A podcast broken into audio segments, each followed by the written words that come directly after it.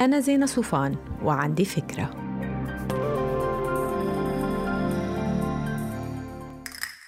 هاي. أول خطوة لتنظيم أيامنا وحياتنا هي إنه نحط قوائم بالمهمات اللي لازم ننجزها. كيف بنمشي على خطتنا اليومية وبنلتزم فيها وما بنعرض حالنا للخيبة آخر الأسبوع لما نكتشف إنه جزء كبير من الأشياء اللي وعدنا نفسنا إنه نحققها ما تحققت.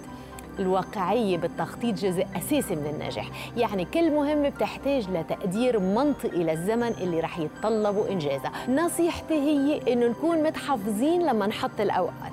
بالأصل يعني اللي بياخد معنا نص ساعة خلينا نحط له 45 دقيقة. ومشوار الساعتين خلينا نفضي له ثلاث ساعات. لما بنكون مرتاحين بوقتنا بخف الضغط العصبي علينا. ولما بنأمن فائض بوقت الفراغ بنتشجع ننجز بنود من خارج الجدول. وهيدا بحقق لنا رضا نفسي كبير ما تستقلوا فيه. كمان الواقعية بالتخطيط بتتطلب إنه نتذكر دايما إننا بشر ومش آلات.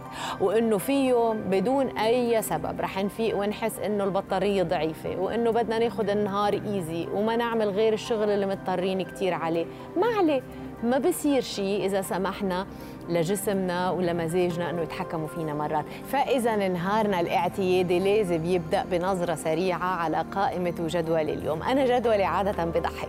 يعني في أمور ما خاصة ببعض. لأني امرأة وأم وزوجة وعاملة. يعني بنفس الصفحة. ممكن يكون في ساعة رياضة بكير وبعدين بالمكتب عندي تحضير للمقابلة مع معالي الوزير وعندي مراجعة خطة التحرير لحلقة البرنامج التلفزيوني الاسبوعي اللي عم أعده وبعد الظهر عندي موعد مانيكير بالصالون اللي حد معهد البيانو اللي لازم ادفع قصة السمستر فيه لبنتي. ومن بعدها عندي مهمة تدريس العربي الإضافي اللي أنا متمسكة جدا فيه وإني كمله مع أطفالي. كل البنود على قائمتي اليومية مهمة ولكن تنفيذها بيتطلب مستويات مختلفة من التركيز.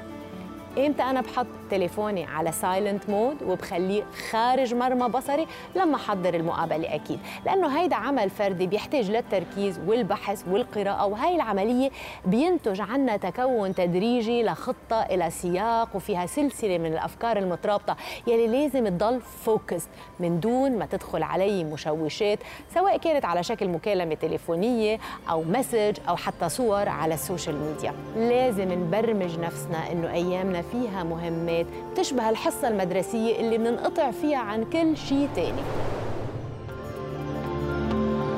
ما تنسوا تعملوا download للفكرة تعطوها rating وتساعدوني بنشرها. bye